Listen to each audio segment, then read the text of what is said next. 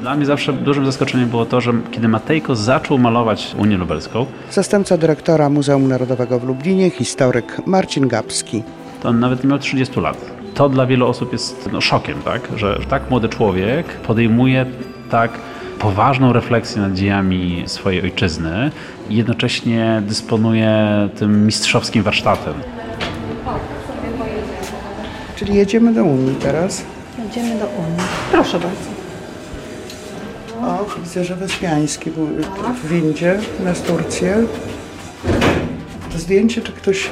Reprodukcja. Znaczy, no, No, no, no, no. przypuszczam, Ale czy ktoś namalował, tak? Tak. Nie, nie, nie, nie. To jest Reprodukcja reprodukcja fragmentu Mhm. tak, tego obrazu. Czyli jadąc można sobie jeszcze przyjemnie. mistrza tak, tak, tak. podejrzeć. Jest, o, znaczy wchodzimy w klimat muzealny. O tak, proszę. Proszę bardzo, ja zapraszam. Dziękuję. Bożena Kasperowicz, kustosz, koordynator sekcji sztuki nowoczesnej w Muzeum Narodowym w Lublinie. Usiądziemy? Czy Matejko był w ogóle w Lublinie? Wiemy coś o tym? Nie, żadne źródła nie podają, nawet przygotowując się do malowania Unii Lubelskiej, co rzeczywiście często czynił przy malowaniu tych wielkich płócien z tego tak zwanego wielkiego cyklu. Czy dla osoby żyjącej współcześnie z Matejką ten obraz, gdyby nie znała tytułu, byłby do odczytania, czy nie? Myślę, że byłby do odczytania w sposób y, bardzo powierzchowny. Dlatego, że e, ten obraz, jak zresztą większość nie z wielkiego cyklu, to są obrazy do rozszyfrowania. Rzeczywiście, jeżeli ktoś nie wie, że to jest Stańczyk i kim był Stańczyk, to Profesor Krzysztof Pomian. ten obraz jest skądinąd bardzo dobrym obrazem. On jest doskonale zbudowany, ale niewiedzący widz odczytałby go zupełnie inaczej. Ale to jest prawdą ze wszystkim.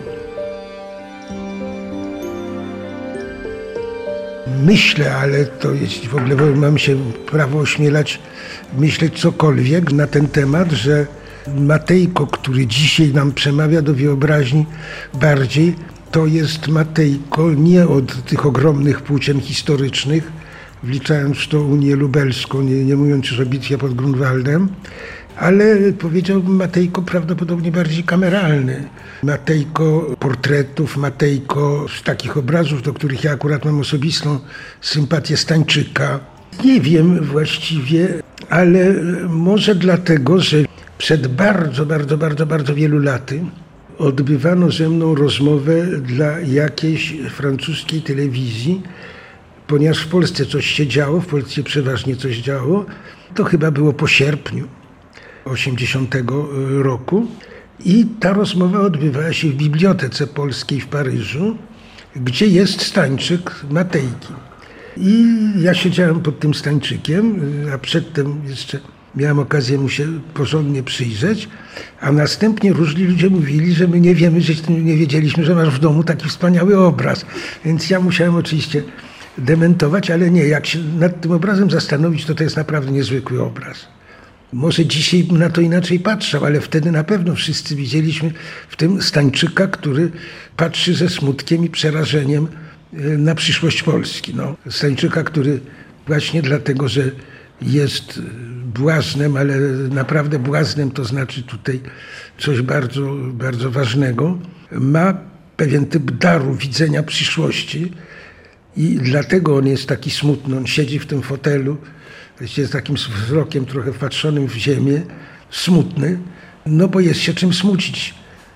To jest ten obraz, gdzie Matejko nie zajmował się gloryfikowaniem triumfów narodowych, tylko jak sądzę, y, ale oczywiście to jak mówię, to jest fabulacja. Czy on naprawdę tak myślał, tego nie wiemy, ale chciał przestrzec Tytuł obrazu brzmi Stańczyk w czasie balu na dworze królowej Bony wobec straconego Smoleńska.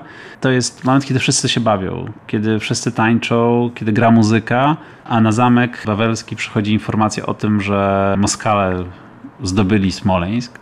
Smoleńsk, który jest bramą do Wielkiego Księstwa, który ma kluczowe znaczenie dla bezpieczeństwa Wilna jako stolicy Litwy, ale bal nie zostaje przerwany. Nikt nie traci z tego powodu dobrego humoru. Jedyną osobą, która zaczyna się zastanawiać, co tak naprawdę może się wydarzyć, jest królewski błazen. I myślę, że to jest klucz do zrozumienia tego obrazu. Też w Stańczyku sportretowany jest sam Jan Matejko. To on ma jego rysy twarzy i myślę, że bardzo często czujemy się jak ten Stańczyk na wieść o różnych złych wydarzeniach, które się wokół nas dzieją. To jest zamek z początku XVII wieku, ale tak jak ta makieta na zamku w Lublinie pokazuje, ten zamek w czasach jagiellońskich wyglądał. W części zachodniej wzgórza, tutaj mieściła się rezydencja królewska. Widzimy te arkady od dziedzińca, mur obronny od strony właśnie zachodniej. Wiemy, że Unia odbywała, czyli obrady Sejmu Unijnego odbywały się na dwóch piętrach Zamku Lubelskiego. Król Zygmunt August chciał, żeby one odbyły się wspólnie, żeby Litwini z koroniarzami razem obradowali, ale do tego nie doszło i od stycznia 1569 do marca obradowano na dwóch piętrach zamku królewskiego w Lublinie. I byli specjalnie wyznaczeni posłowie, którzy przenosili informacje o czym się rozmawia i jakie punkty należy przedyskutować. Zygmunt August zdawał sobie sprawę z tego, że Litwa sobie sama nie poradzi. U boku Litwy wyrósł bardzo agresywny i niebezpieczny twór państwowy, polityczny, który my dzisiaj nazywamy Rosją. Wtedy to było państwo moskiewskie, rządzone przez Iwana Groźnego w agresywny sposób traktuje wszystkich swoich sąsiadów. Kiedy w Lublinie uchwalana jest Unia, Iwan Groźny atakuje Nowogród Wielki, bogatą republikę kupiecką z pięciowiekową tradycją funkcjonowania, z bogatym mieszczaństwem, bardzo atrakcyjną kulturą i wymordowuje wszystkich mieszkańców tego miasta. Więc Zygmunt August ma świadomość zagrożenia moskiewskiego i dlatego tak przedał nich. Litwa ma zupełnie inny ustrój, gdzie najwięcej do powiedzenia mają wielkie rody magnackie, gdzie szlachta średnia nie ma za dużo do powiedzenia, zupełnie inaczej niż w tym momencie dziejów Rzeczypospolitej, gdzie to ta średnia szlachta nadaje ton państwu. I ta średnia szlachta litewska chciałaby mieć takie same prawa jak szlachta polska. Mamy konflikt wewnętrzny pomiędzy tymi starymi, wielkimi rodami, które chcą utrzymać władzę, a tą średnią szlachtą, która by chciała, żeby też ta magnateria się z nią tą władzą podzieliła. Dlatego y, właściwie też do Unii no, udało się dojść. No, to był kompromis.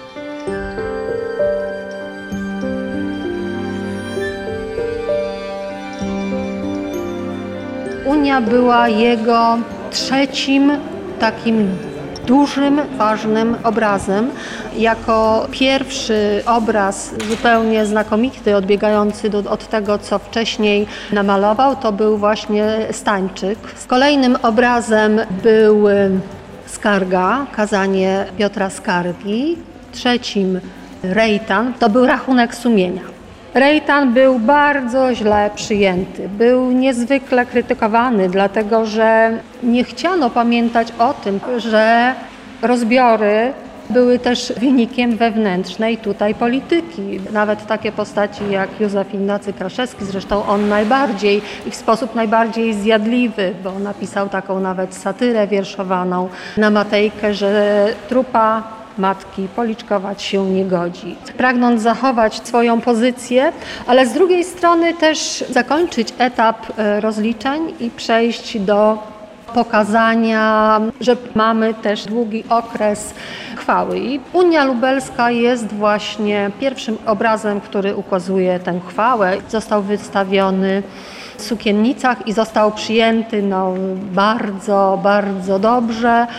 Po Krakowie odbył tournée po różnych stolicach europejskich, a ostatecznie został zakupiony do Lwowa ze składek mieszkańców tego miasta. I tam wisiał do czasu II wojny światowej. Potem został wywieziony przez Niemców. Ostatecznie znalazł się na Śląsku w gospodzie Został odnaleziony po wojnie przez komisję profesora Lorenza. Od lat 50. został podarowany do muzeum u nas w Lublinie. Dołączyła do nas Jolanta Żuk-Orysiak, wieloletni konserwator zabytków czyli od tej strony też znająca Unię. Osobiście cenię Matejkę za jego perfekcjonizm, jeżeli chodzi o technikę malarską. Tutaj nie ma iścia na skróty, tylko to jest rzetelne rzemiosło. Może bliżej podejdźmy. Mhm, jesteśmy bliżej. Matejko jako mistrz malarstwa przekazał następnym pokoleniom, że nie należy się wstydzić znajomości techniki. Był artystą wymagającym, jeżeli chodzi o używane pigmenty i farby malarskie. opierał się na twórczości wielkich mistrzów, których oglądał, bo prawda jest taka, że artysta, żeby swój warsztat wypracować, musi dużo oglądać. Malował głównie na gotowych płótnach, to chciałam powiedzieć. Zaprawiane były bardzo często z dodatkiem e, te płótna bieli ołowianej. Następnie przychodziło tonowanie tego, jeżeli to było wnętrze, więc było tonowanie najczęściej brunatem Van Dyka. Szaty były malowane przed karnacjami i całość układu była oparta na nieskończonej ilości szkiców. To nie jest tak, że artysta siadał i zaczyna malować obraz wychodził z rysunku, potem przychodziły podmalowania pod poszczególnie zakomponowane postaci. Nakładana była farba w zależności od tego, od rodzaju tkaniny, szaty.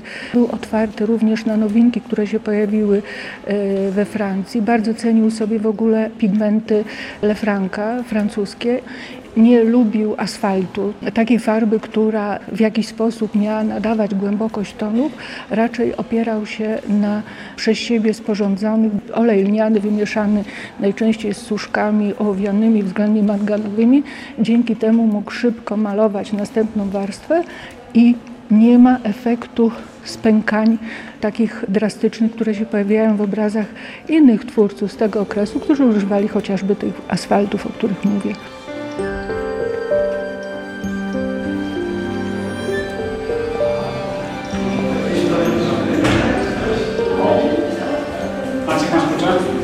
Do nas? Tak, oczywiście.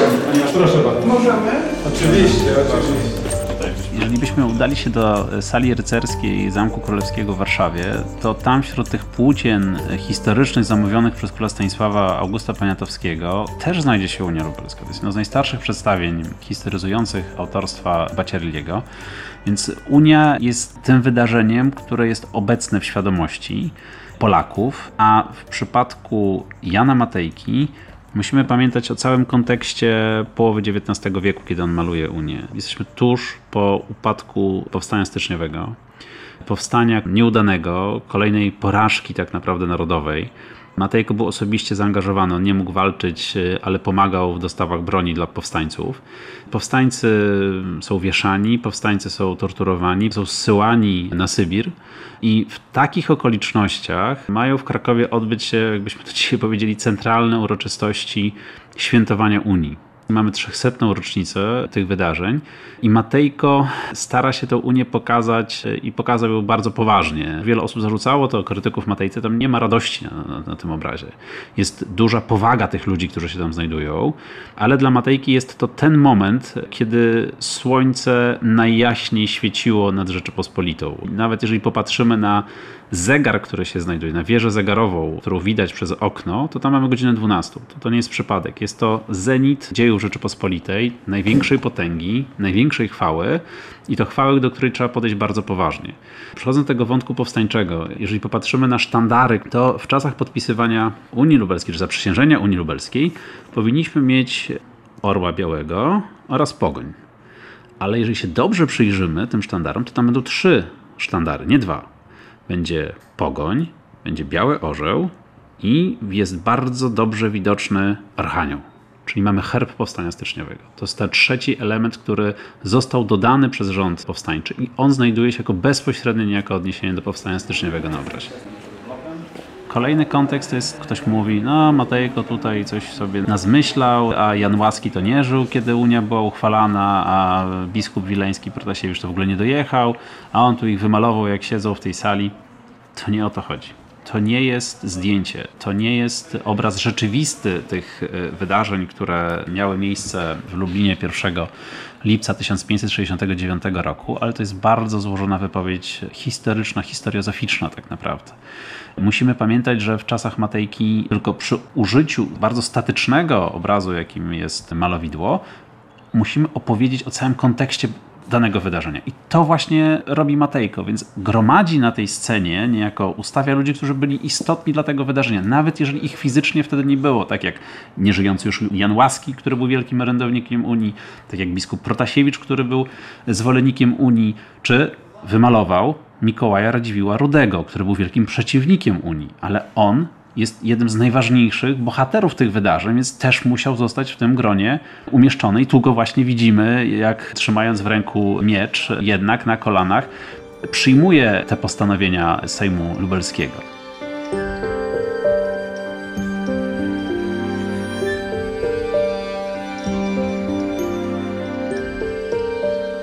Nie było części posłów, prawda? Czy y, na przykład sam nie Janusz Radziwiłł, tylko jego brat był obecny na Unii. I jeszcze kilka innych postaci w Prawy- zielonym tak, stroju. prawy grochu, dolny tak. róg.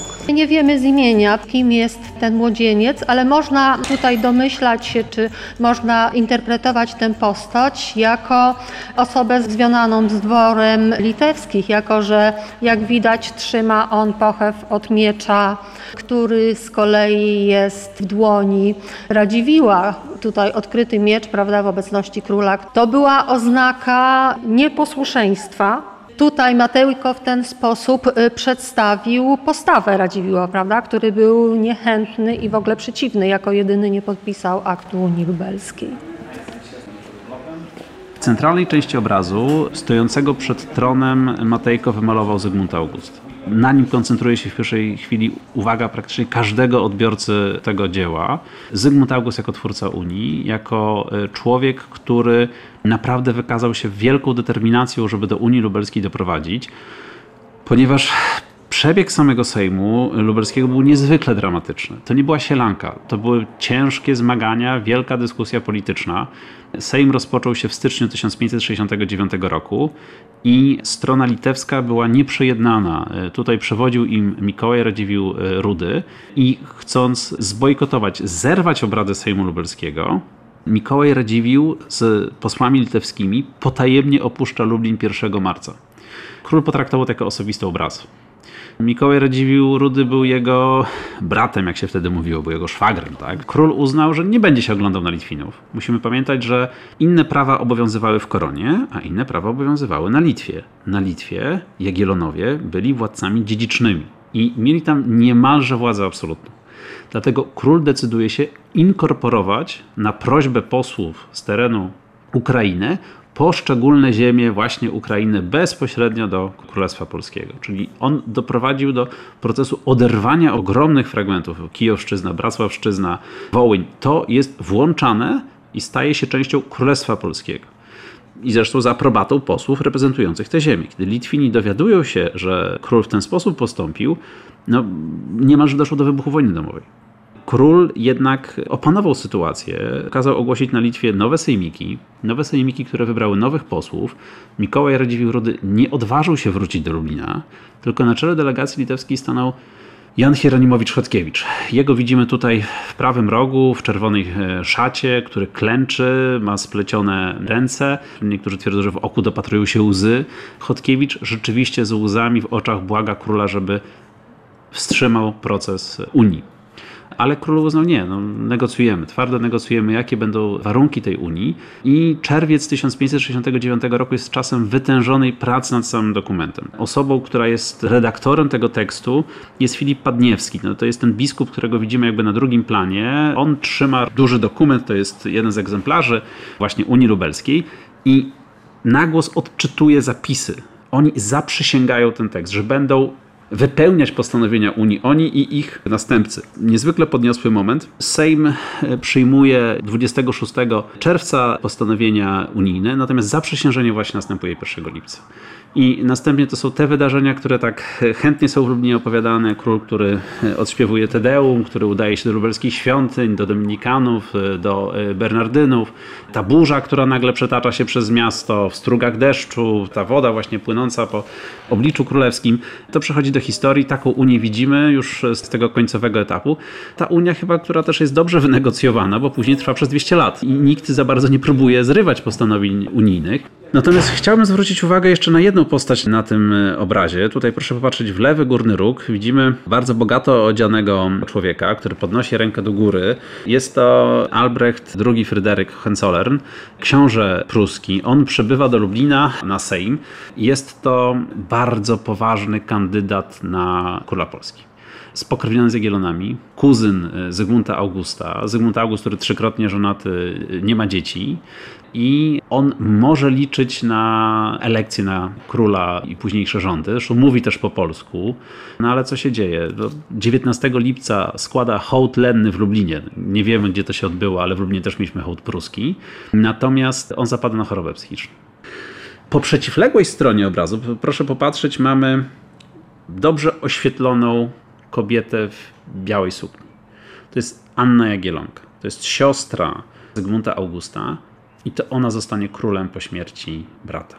I to dla niej rozpocznie się proces szukania kandydata na męża i objęcia tronu Królestwa Polskiego i też e, rządów na Litwie jako wielki książę litewski. I właśnie Henryk Walezy, e, później Stefan Batory, Stefan Batory, który poślubi Annę Jagiellonkę, to jest ten sposób, w jaki ta władza następnie przejdzie na władców elekcyjnych.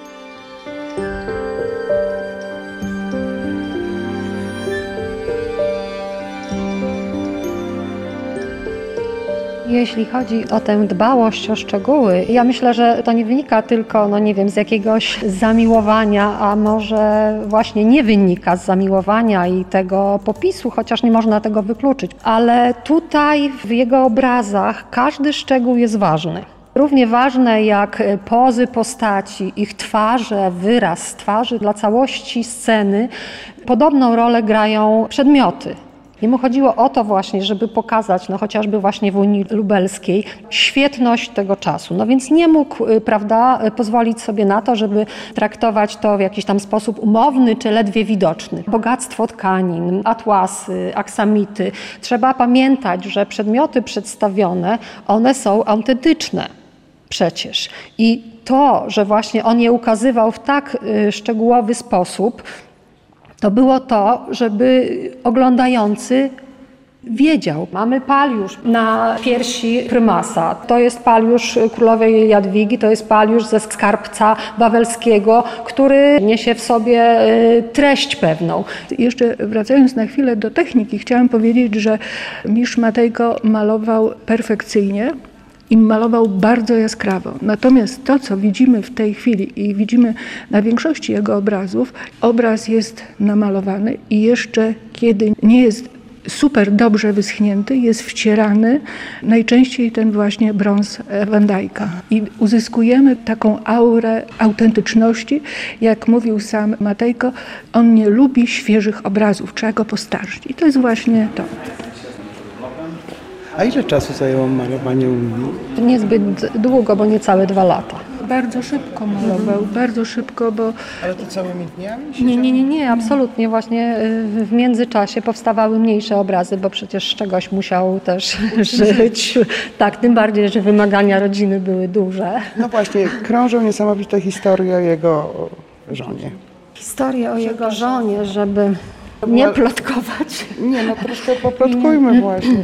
Teodora Matejko, y, którą poślubił w 1864 roku. Narzeczeństwo trwało dwa lata, a znajomość y, od dziecka właściwie znał Teodora. Ona była zresztą sporo młodsza od y, Matejki. I e, no cóż, no, to była trudna. nie pałała na początku Znaczy, to-. Znaczy to trudno, znaczy na początku, kiedy Jan już zaczął okazywać względy, to Teodora w ogóle nie, nie była zainteresowana. Później, no jak gdyby, jakby tu powiedzieć, głównie za namową rodziny, no matki, bo Matejko już zaczynał być znaczącym malarzem, odniósł pierwsze sukcesy.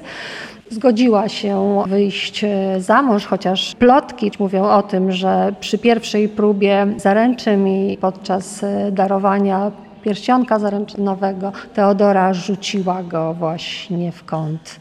Ten związek był no, na pewno trudną relacją i nieudaną ostatecznie ze względu na to, że Teodora no, miała trudny charakter, większe jak gdyby oczekiwania i ambicje w stosunku do statusu społecznego, do bywania w świecie, a jakby nie mając do tego no, predyspozycji. Poza tym w tych takich dawniejszych opracowaniach, przekazach czy jakiejś ocenie pomija się to, że ona była chorą osobą i to później notuje się tylko to, że została oddana przez Matejkę do e, zakładu dla psychicznie chorych, ale ona miała cukrzycę nieleczoną i to przez lata prawda, powodowało no, różne zachowania.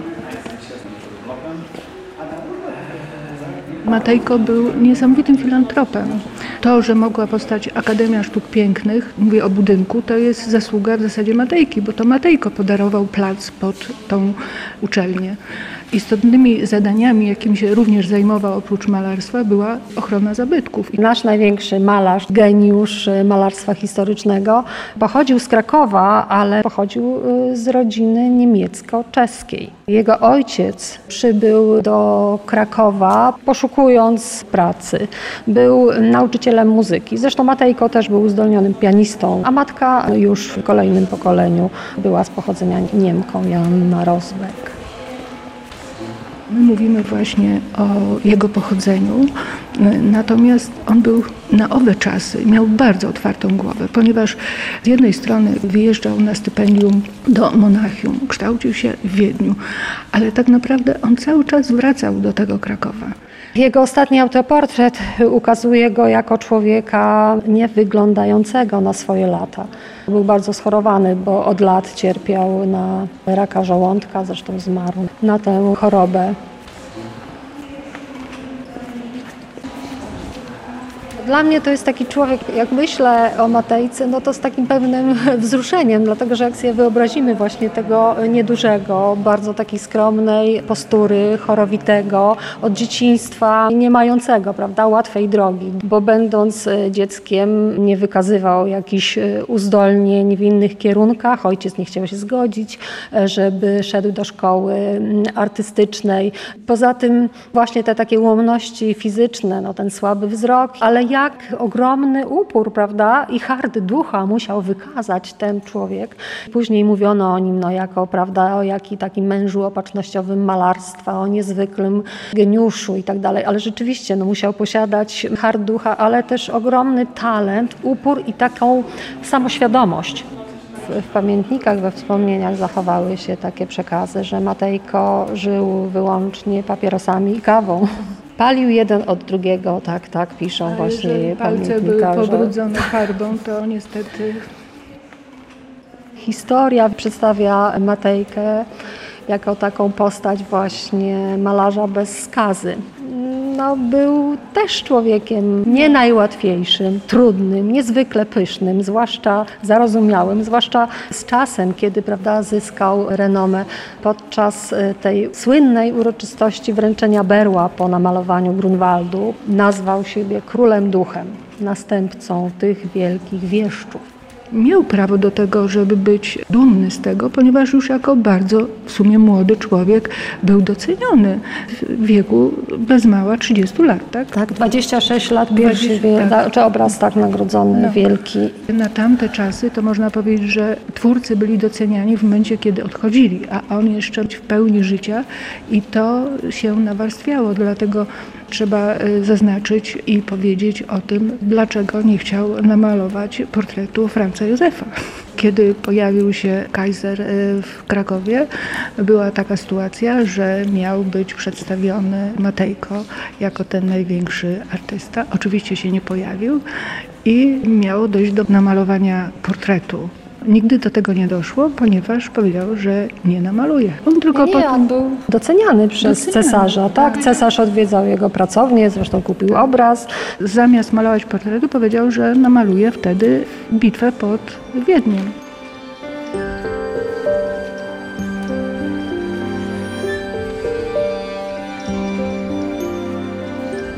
Jeszcze chyba jedna z ważniejszych rzeczy, to znaczy uczniowie Matejki, bo on był nauczycielem wspaniałych malarzy.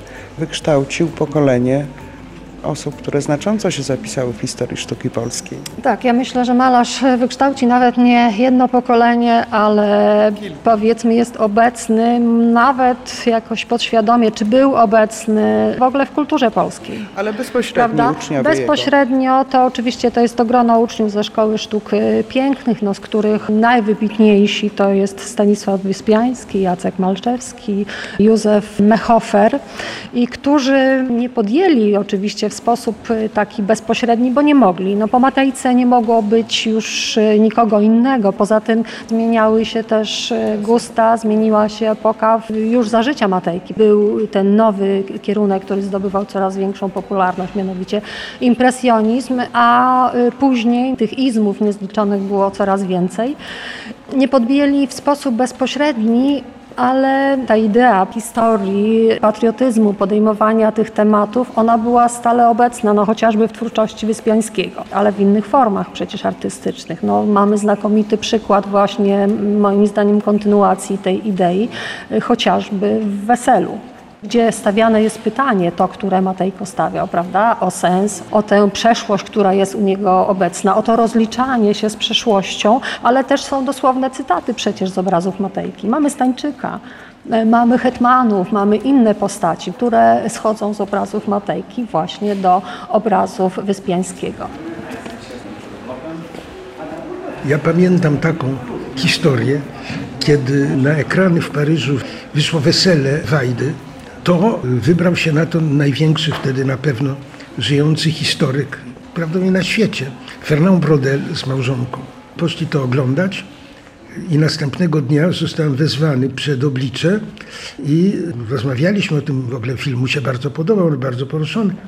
I potem mi powiedział nagle, ale ja nie wiedziałem, że ta wasza szlachta tak okrutnie się obchodziła z chłopami, bo on wziął scenę, która tam jest, kiedy głowy szlacheckie podczas rabacji galicyjskiej tam, tam wrzucone do kosza, on myślał, że to były głowy chłopów, których szlachta tak postponowała, że tak powiem.